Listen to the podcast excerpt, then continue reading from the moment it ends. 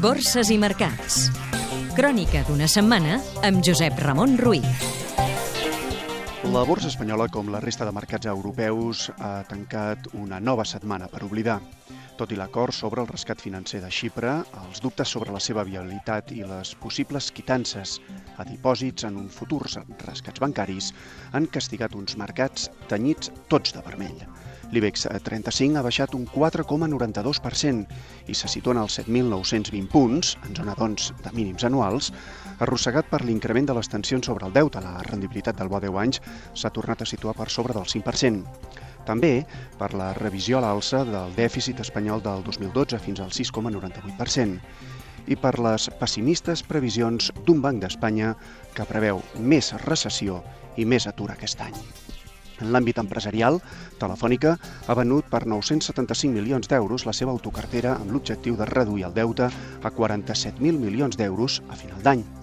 En el mercat continu, els accionistes de Bankia han rebut un nou cop. Les accions s'han desplomat aquesta setmana un 34,26%, fins als 16 cèntims d'euro després que el Fons de Reestructuració Ordenada Bancària, el FROB, ha situat en un cèntim d'euro el valor nominal de les accions de l'entitat.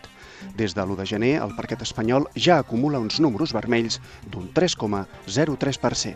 Cotitzades catalanes. Gas natural fenosa. L'energètica construeix a Mèxic el seu primer parc eòlic a l'Amèrica Llatina amb una inversió d'uns 300 milions d'euros. Avertis. Ha tancat un acord amb el govern de Gales per vendre l'aeroport de Cardiff per 61 milions d'euros sense plusvàlues. Banc Sabadell. La Junta d'Accionistes ha aprovat la gestió del banc, pagar un dividend de 3 cèntims d'euro per títol i un nou sistema de remuneració de directius. Vueling. El grup IAG, la matriu d'Ibèria, ha millorat l'OPA sobre l'aerolínia fins al 9,25 euros per títol, un 30% més respecte a l'anterior oferta de 7 euros per acció. L'euro. La moneda única, en zona de mínims de 4 mesos, s'ha depreciat davant de la divisa nord-americana, penalitzada pels temors a un repunt de la crisi del deute sobirà a l'eurozona.